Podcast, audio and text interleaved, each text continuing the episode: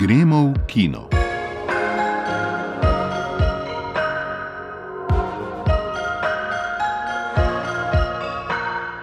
Drage poslušalke, dragi poslušalci, lepo pozdravljeni. Začel se je težko pričakovani 72. Berlinale. Po lanski spletni izdaji so organizatori za letošnje leto trmasto ustrajali, da bodo festival izvedli v živo, čeprav so mnogi zaradi ponovnega razmaha epidemije pričakovali, da jim to vendarle ne bo uspelo. Kot je na uvodni slovesnosti povedala direktorica festivala Marjete Rizenbeck, res ni bilo samoumevno, da bosta z umetniškim vodjem Karlom Šatrijanom stala na odru.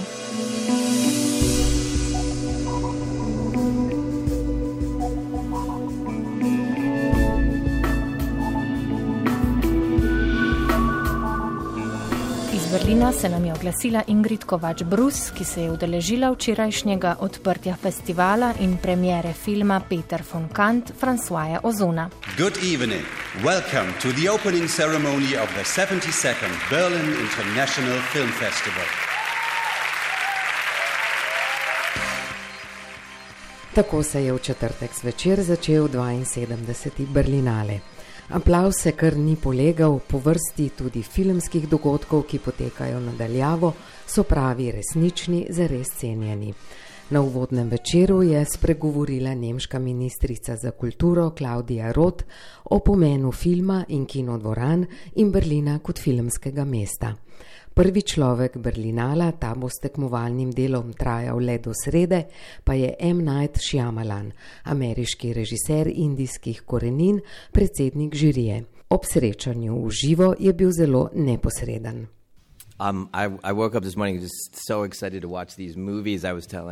Zjutraj se je zbudil res vznemirjen, ker bo gledal vse te filme. Vsem je govoril o tem in o naslednjih filmih. Počuti se kot otrok, v žiriji so popolni partnerji pri zločinu. Veliko se pogovarjajo o filmih in kaj pomenijo. On sam pa je večen študent, premisli vsak film in se iz njega uči. In potem se je zavrtel uvodni film. Čast prvega je na 72. Berlinalu pripadla francoskemu režiserju Françoisu Ozonu, ki je svoj novi film posvetil znamenitemu Nemcu Rainerju Wernerju Fassbinderju. Ta je pred natanko pol stoletja tu pokazal grenke solze Petre von Kant. Ozon, ki ga Fassbinder spremlja in navdihuje že od njegovih prvih filmov, je svojega Petra von Kanta prav tako postavil v leto 1972 v Nemčijo in boljši začetek festivala bi si težko predstavljali. Tudi Peter von Kant se skoraj da v celoti odvije v stanovanju in je film o filmu, ljubezni, manipulaciji in tudi intenzivna gledališka predstava, ki jo svojima kratkima imenitnima nastopoma začinita tudi evropski filmski zvezdi Izabela Džani in Hanna Šigula. Tudi v zonovem filmu je veliko sous in tudi grenke so.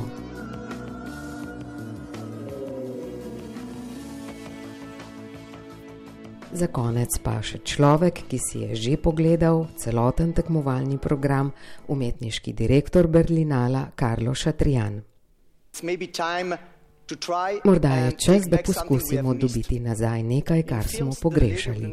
V filmih sta soseda in sosedov fant vedno očarljiva in privlačna. V resničnosti pa je zelo drugače. Morda pa je čas, da se vrnemo v resničnost in letošnji Berlinale želi narediti korak v to smer. Tak bo zagotovo že naslednji tekmovalni film našega soseda, Avstrica Ulriha Zajdla z naslovom Rimini. Morda pa ravno naslov vseeno obljublja ščepec Felinjeve magije.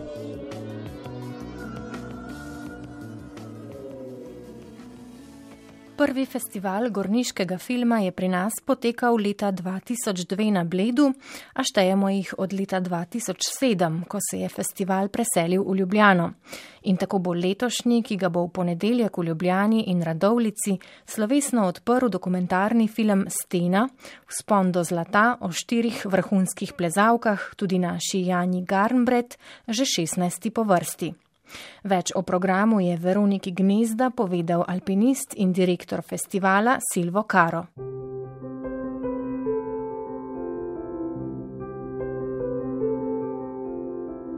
Ustrajnost je Silvo Karu, direktorju festivala gorniškega filma, domača iz alpinizma. In čeprav se je v 15 letih zgodilo vse mogoče, ni obupal ne nad festivalom, ne nad produkcijo domačih filmov. Že od samega začetka sem vedno povdaril, da namen festivala je tudi, da se vidi svetovna produkcija, domači dobijo tukaj ideje o filmih in da tudi mi filme izvažamo in pošiljamo v svet in na tak način promoviramo naš alpinizem. In sem zelo vesel, če smo s festivalom kaj prispevali k temu, da je danes produkcija slovenskega goniškega filma večja. Skupno se je na festivalu do zdaj zavrtelo več kot 600 filmov z vseh koncev sveta. Letos jih je malo manj iz kategorije gorskih športov in avantur, kar deset pa jih prinaša kategorija plezanje. Med njimi dva v spredje postavljata našo olimpijsko prvakinjo, plezalko Janjo Garnbrit. Dva filma, angliška produkcija in ameriška produkcija. Ampak eh, jaz mislim, da se tudi eh, Janja zasluži, da se naredi kakšno lep portret domače produkcije. Med 28 filmi je letos na festivalu sedem domačih. Tudi trilogija Literarno vertikalno Boštjana Virca in Rožleta Bregarja, v kateri se prepletajo zgodbe o Necu Zaplotniku, Tinetu Miheliču in Igorju Škamparletu. Pa filmski projekt Odmaknjen svet Lenarta Magušarja o štirih prijateljih, ki so se odpravili na pot Triglavske magistrale. Film Matjaža Žbontarja z naslovom Ivan Bole, Vok Samotar, je portret slovenskega filmskega avtorja, ki je snemal filme v 30 letih prejšnjega stoletja. Na ogled bo tudi več tujih filmskih portretov alpinistov, ki so bili svoje čase vodilni v Himalaji. Z tistih časov seveda nimajo toliko posnetkov in današnjo tehnologijo se da tudi to narediti. In takih filmov je portret Kristofa Velickega, odličnega polskega alpinista, ne samo polskega, mednarodnega, najbolj uveljavljenega himalajskega alpinista, o katerem je narejen portret. Potem je zelo dober portret tudi o nemškem alpinistu Hermanu Huberju. Tu pa je tudi režiser Pavel Barabaš, redni gost s filmi na našem festivalu. Dologiri je moj Everest o Demijanu Zoltanu, odličnem slovaškem alpinistu, eh, ki je bil v 80-ih letih en vodilnih.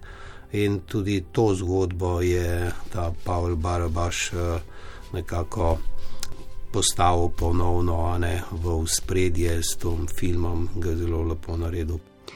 Zanimiv bo tudi spremljevalni del festivala, ki prinaša predavanje alpinista Istoka Tomazina, avtorja knjige Na meji, zbirke tihotapskih in drugih z mejami v gorah povezanih zgodb od Karavang do Himalaje.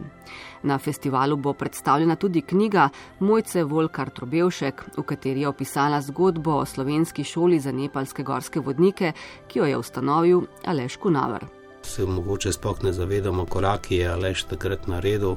Šerpe postale ne, ne samo nosači, pa delavci zahodnim odpravam, ampak tudi sami so se počasi razvijali in danes imamo v Himalaji šerpe, ko delajo čisto samostojno odpravo. Ne, in lansko leto je zelo poznan prvi spon po zimi na K2, je delal samo šerp. Ne. Letošnji festival gorniškega filma, 16. po vrsti, bo od ponedeljka 14. februarja do sobote 19. potekal na že stalnih prizoriščih v Ljubljani, Domžalah, Radovlici in Celju.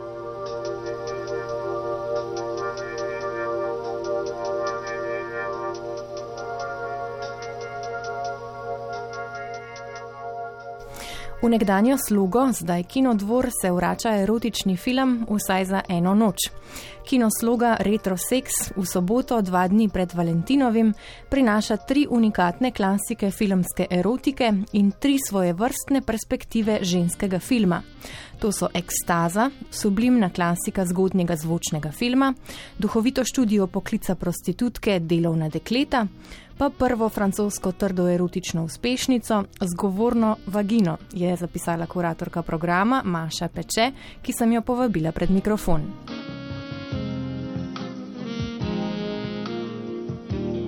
Maša Peče, lepo pozdravljeni, dobrodošli v studiu. Trije filmi, torej morda tudi trije pogledi na žensko seksualnost. Pred nekaj leti je bila stota obletnica rojstva igralke Hedi Lamar. Spominjam se, da sem takrat v njej pisala članek in brala, da je ekstaza, v kateri kot prva ženska na filmskem platnu doživi orgazem, zaznamovala njeno filmsko kariero, da je bil to film, ki so se ga holivudski PR-ovci pozneje vse čas trudili prikazati kot nekaj, v kar so mlado, nedolžno igralko zvabili pokvarjeni evropski umetniki, vi pa se tokrat, kot rečemo, vračate na prizorišče zločina. Ja, um, hvala za povabilo. Um, torej, seveda, če smo čist uh, iskreni, pa točni, uh, je seveda orgazem bil prikazan na filmih, odkar film obstaja, ampak ne v takih velikih kinematografskih filmih, prej v tistih, kot jim rečemo, steg movies, plavi filmi, torej filmih, kratkih, uh, anonimnih filmih, ki se jih je gledalo doma in na skrivem. Um, tokrat pa je šlo menda za prvi prikaz v prestižni produkciji. Uh, torej, Gustav Mahati je bil uh, veliki umetniški režiser. Uh, je pa res, da je bila Hedi Lamar v tem trenutku še uh, Hedvige Kisler, tukaj stara komaj 18 let, tako da je film strašno buril duhove in seveda buril tudi te uh, ameriške. Um, nekako vznemiril te ameriške producente. Uh, namreč Hedi Lamar je prav v tem filmu predvsem uh, opazil Louis B. Mayer, šef studia MGM. In čeprav je veljal za enega zelo čistunskega gospoda, je seveda zaslužil ta komercialni potencial in tako počasi s Hedi Lamar v Hollywoodu uh, napravil, kot se reče, najlepšo žensko Hollywooda, se je takrat reklo. Uh, vsem pa lahko tudi rečemo, da je to nekaj stalo. Jaz se tudi spomnim, da sem pred leti brala, mislim, da v Guardianu, da je imela um, Hedi tudi eno izjemno znanstveno žilico, uh, da bi lahko imela uh, izjemno znanstveno kariero, če bi bili seveda časi za ženske drugačni. Menda je iznašla celo nekaj, kar danes uporabljamo v WiFi napravah. Drugi film, Delovna dekleta, je posnela Lizzie Borden, ki jo morda bolj poznamo po njenem kultnem podzemnem, nizkoproračunskem feminističnem kvirovskem filmu Rojene v plamenih, ki je nastajal kar nekaj let pred letom 1983, ki je uradna letnica nastanka filma. Kaj pa delovna dekleta? Ja, v bistvu sta ta dva filma povezana. Namreč Lizzie Borden je takrat med snemanjem eh, Rojena v plamenih Born in Flames spoznala številne ženske, ki so se preživljale z uh, spolnim delom, z prostitucijo uh, ali z drugimi oblikami. Uh, pa so bile večinoma recimo mlade umetnice. So to počele zato, da bi se preživele, da bi nekako prišle do uh, te svoje prave kariere, da bi jim pač v New Yorku uspelo. Um, in je na podlagi tega potem naredila film Delovna dekleta, ki je zato en res uh, avtentičen, empatičen in res nesenzacionalističen uh, prikaz prostitucije kot dela, uh, ne, ne kot nečesa, kar je vedno odrinjeno na rob, stigmatizirano, kriminalizirano in s tem ne naredimo nikomor usluge, uh, pač pa nečesa, kar je očitno del človeške eksistence uh, od vsega začetka. Mogoče. Mhm. Zadnjo besedo pa bo imela, kot ste zapisali, zgovorna vagina. Naslov je dovolj slikovit, da vam kar prepuščam besedo. O, ja, tega, eh, tega smo pa res, eh, moram reči, da dolgo iskali. Jaz sem hotela film eh, pokazati že od vsega začetka, od prvega leta programa Kinosloga Retro Sex 2014 in sem vsa ta leta iskala filmsko kopijo. Gre za res prvi hit, torej za čas, ko je tudi francoska. Erotika postala trda, ko so ti filmi tudi v Parizu prišli v prestižne, popularne kine na Champs-Élysées. Seveda je bila ta doba kratka, ampak to so bila 70-ta. In Le Sex, ki parla zgovorna vagina, je bil tisti prvi ultimativni hit, ki je prodrl tudi tujino, brško ne zaradi tega, ker je njegova zgodba uh, tako posrečena in tako hecna, govori seveda o ravno tej zgovorni vagini, torej ta vagina ima ogromno za povedati. Uh, sem pa zelo vesel, da smo film končno dobili, namreč ne obstaja več nobena filmska kopija na svetu, um, ampak končno sem le stopila v stik z producentom takratnega filma in on nam je poslal film v digitalni različici, taki, ki je še vedno primerna za prikaz v kinu. Tako da gre res za en utrink preteklosti, ki nam ga je uh, poslal celo sam producent. Maša Peče, najlepša hvala. Kinosloga Retrosex pa kot rečeno jutri v soboto v Kinosloga, pardon, v Kinodvoru.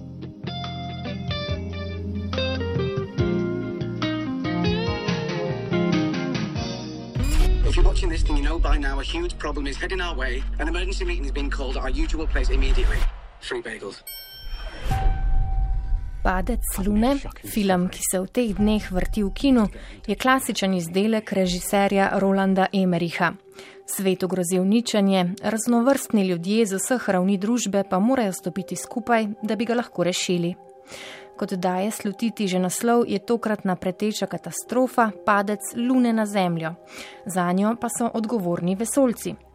Natančneje, človeški predniki so naredili Luno, da bi ustvarili življenje na našem planetu in ga tako obvarovali pred morilsko umetno inteligenco, je zapisal Igor Harp. Oboževalci znanstvene fantastike bodo v filmu razbrali vplive množice prelomnih žanrskih del, kot so recimo 2001 Odiseja v vesolju, Prometej, Matrica in Armagedon, pozorni gledalci pa jih bodo odkrili še precej več. Emerich nikoli ni slovel po izvirnosti zgodb, temveč po monumentalnosti vizij in inovativnosti različnih verzij uničenja planeta. Uspešnici kot sta Dan neodvisnosti iz 1994 in Dan po jutrišnjem iz 2004 nista prepričali z intelektualno ali celo inteligentno premiso, temveč z osupljivo posnetimi prizori popolnega uničenja in pristno človeško zgodbo rešitve in odrešitve. V svoji pred kratkim posodobljeni knjigi Novi film 2.0 Marcel Štefančič junior analizira ameriški novi val, ko je nastalo tudi veliko filmov katastrofe. Štefančič postavi usporednice med fascinacijo nad temi filmi in odpovedjo ameriškega političnega sistema v 70-ih, ko so ga pestili Vietnam, Watergate in cel kup političnih afer. Zdaj prav tako živimo v razborljivem času in že več let po svetu upada zaupanje v politične voditelje, korporacije in intelektualce. Padec Lune je tako odgovor na splošno družbeno tesnobo in negotovost, ob vse številčnejših krizah, od vojn do pandemije in klimatskih sprememb, ki skuša vliti prepričanje, da je tudi najhujšo katastrofo mogoče rešiti s pravim pristopom. Ker pa gre za film Rolanda Emericha, ta vključuje tudi njegov vse bolj problematični leitmotiv: poslušanje teoretikov zarote. Žal pa je film pri tem dolgočasen. Zgodba je hkrati nepričakovano ubrisana in dolgočasno predvidljiva, zasedba na čelu s Halle Berry, Patrickom Wilsonom in v bežni vlogi celo legendarnim Donaldom Sutherlandom je izgubljena med nelogičnimi preobrati in digitalnimi učinki. Prav ti so eden največjih minusov filma, saj je podoba kljub velikopoteznosti vizije bistveno bolj ploska in pusta, kot so bile razstreljene makete stavb v dnevu neodvisnosti. Hkrati se ob podobah grozeče lune ni mogoče izogniti primerjavam z melanholijo Larsa von Trierja, ki je postavila tako visoke standarde podob planetarne pogube, da jih tudi veliko boljši avtorji od Emeriha najbrž še leta ne bodo dosegli.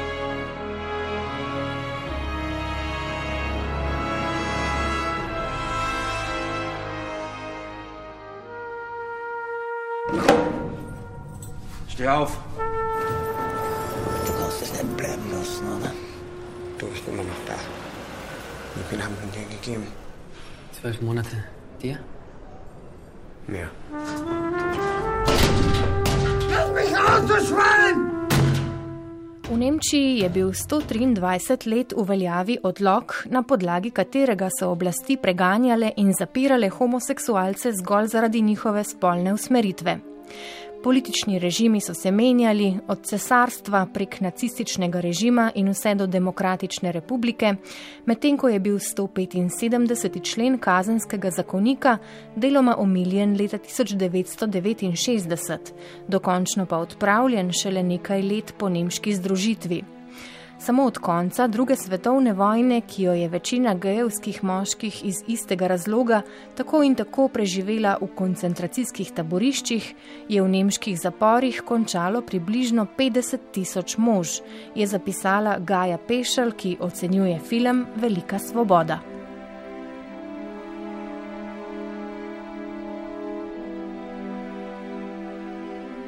Za popolno razumevanje drugega celovečernega filma avstrijskega režiserja in scenarista Sebastiana Majzeja Velika svoboda je zgodovinski okvir sicer dobrodošel in pomaga osvetliti še nekatere očem malo bolj prikrite elemente filma, a bistvena je vsekakor človeška plat zgodbe.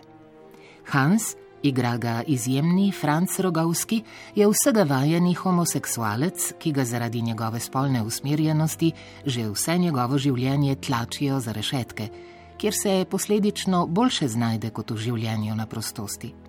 Viktor, Georg Friedrich, pa na dolgo ječo obsojeni morilec, absolutno heteroseksualno usmerjen in s skrbno zgrajenim zaporniškim ugledom, ki ga mora braniti za vsako ceno. Dva moška, tako različna, a v želji po bližini in ljubezni tako zelo podobna, ki se po naključju znajdeta v isti celici. Zgodba, ki se ne odvija povsem linearno, ampak spretno prehaja med različnimi Hansovimi zaporniškimi obdobji, je po svoje predvidljiva, ampak dramaturško tako spretno izpeljana, da na koncu gledalca vseeno osupne in celo gane. Ustvarjalci, pri čemer je treba še posebej omeniti direktorico fotografije Kristel Fournier, so do potankosti ujeli tako minevanje časa, kot različno občutanje omejenosti zaporniških celic, glede na počutje glavnega lika. Pogumno in nazorno so se lotili tudi vseh neprijetnih in celo okrutnih trenutkov arestantskega življenja, kot sta pretep ali kazen v samici, pa vendarle jim je uspelo ustvariti čudovito ljubezensko zgodbo, ki da pojmu svobode povsem nov pomen. Film Velika svoboda je namreč točno to: izjemna pripoved o upornem ustrajanju pri svoji naravi, ki kljub nesmiselni družbeni in birokratski krutosti na zadnje najdejo odrešitev v najbolj čisti ljubezenski osvobojenosti. Svoboda je stvar interpretacije.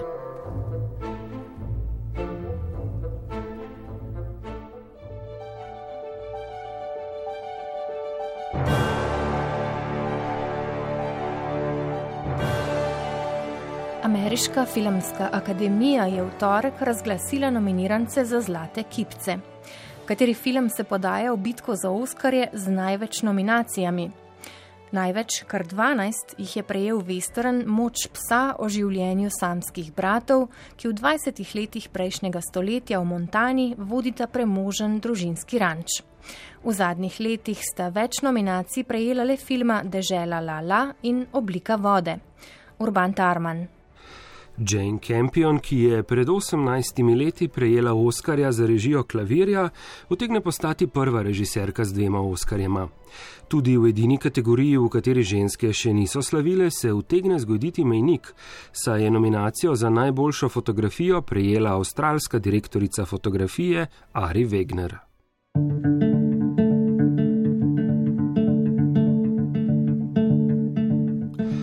Moč psa je prejel ducat nominacij za najboljšo izvirno glasbo Johnnyja Greenwooda, za najboljši prirejen scenarij, za zvok montažo, scenografijo, fotografijo, režijo ter kar štiri igralske nominacije. Za glavno vlogo Benedikta Cumberbatcha in za stranske vloge Kirsten Dunst, Jessija Plemonsa in Kodija Smith McPhee, ter nominacijo v najpomembnejši kategoriji za najboljši film. Our planet Arrakis is so beautiful when the sun is low. Z devetimi nominacijami sledi znanstveno-fantastični spektakel Dune Peščeni planet, režiserja Denija Vilneva. Poseben rekord je zabeležil Steven Spielberg. Njegov muzikal Zgodba zahodne strani je prejel sedem nominacij tudi za režijo in je njegov enajsti film, ki ga je produciral in je nominiran za najboljši film. There's a place for us.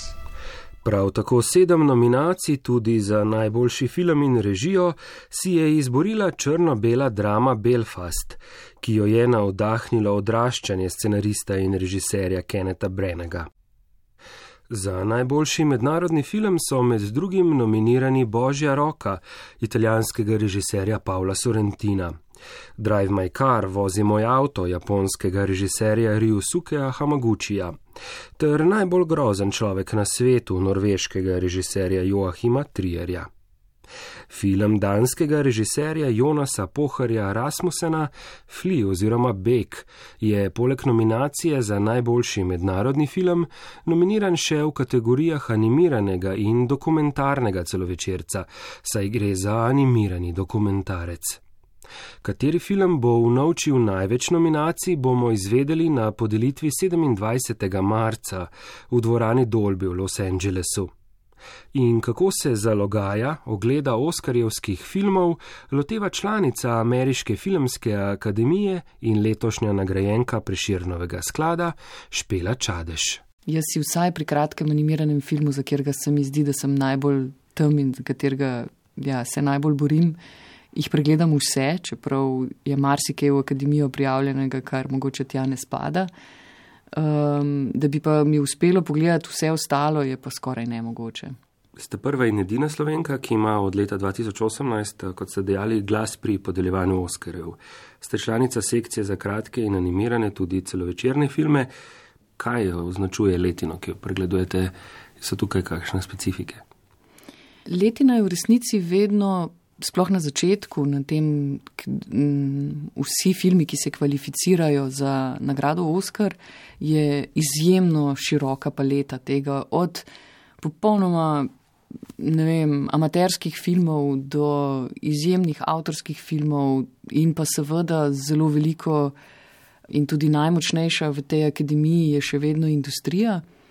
Ki na koncu tudi zmaga, ker se mi zdi, da je pač članov akademije uh, največ iz pač hollywoodskih studijev.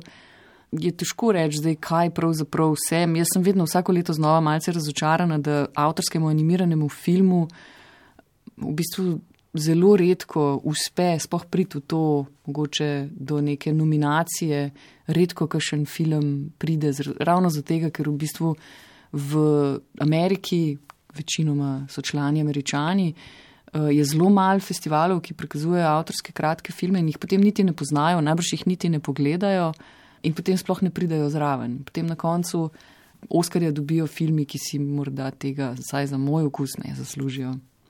Je pa letos eh, nominiran um, za najboljši mednarodni film, pa tudi za najboljši dokumentarec. Uh, animirani film. film. Animirani dokumentarec Bek. Ja. Um, sam ga še nisem videl, pa me morda zanima, vi ste ga že videli. Ja. Jaz mislim, da je to super, že to, da se je Danska upogumila in uh, poslala v boj za nominacijo uh, tuje jezičnega Oskarja. Mislim, da je v treh kategorijah je prišel naprej. Sicer ima film res tako pravo temo, ker mislim, da je tudi prav, da se v njej govori. Da to ni ravno v animiranem smislu uh, nek ne vem kakšen preskok, ker je vse en neka tehnika, ki je mogoče bolj igranemu blizu kot, eh, kot animiranemu. Ampak vseeno se mi zdi, da, je, da se počasi odpirajo tudi ta vrata, da animirani film ne ostaja samo entertainment za otroke, ampak da, da lahko preskoči tudi v kakšno. In prav mogoče tu, kjer je, kjer je na nek način. Dokumentarističen pristop, kjer se morda nekdo s svojim obrazom ne bi postavil pred kamero, v animaciji pa se, je mogoče to neka, neka tehnika, ki odpira neka nova vrata.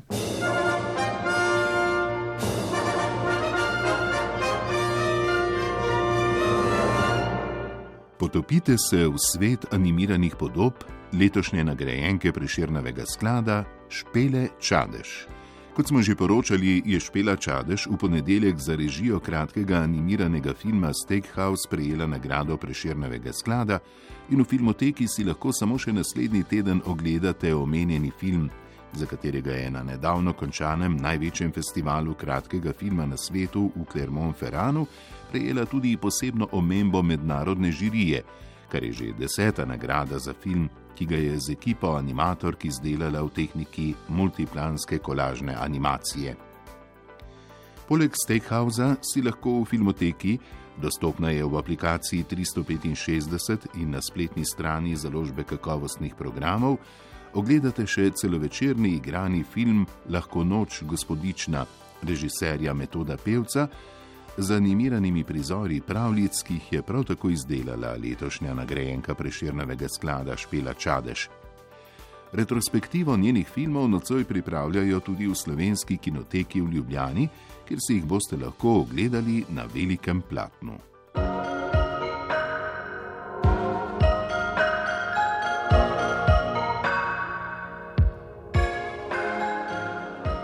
Drage poslušalke, dragi poslušalci, s tem končujemo tokratno oddajo Gremo v kino. Oblikovali smo jo Jasna Rudešek, Ivan Lotrič, Tina Ogrin, Gašpar Loborec in Tina Poglajen. Želim vam veliko užitkov ob dobrih filmih in vas lepo pozdravljam do prihodnjega tedna.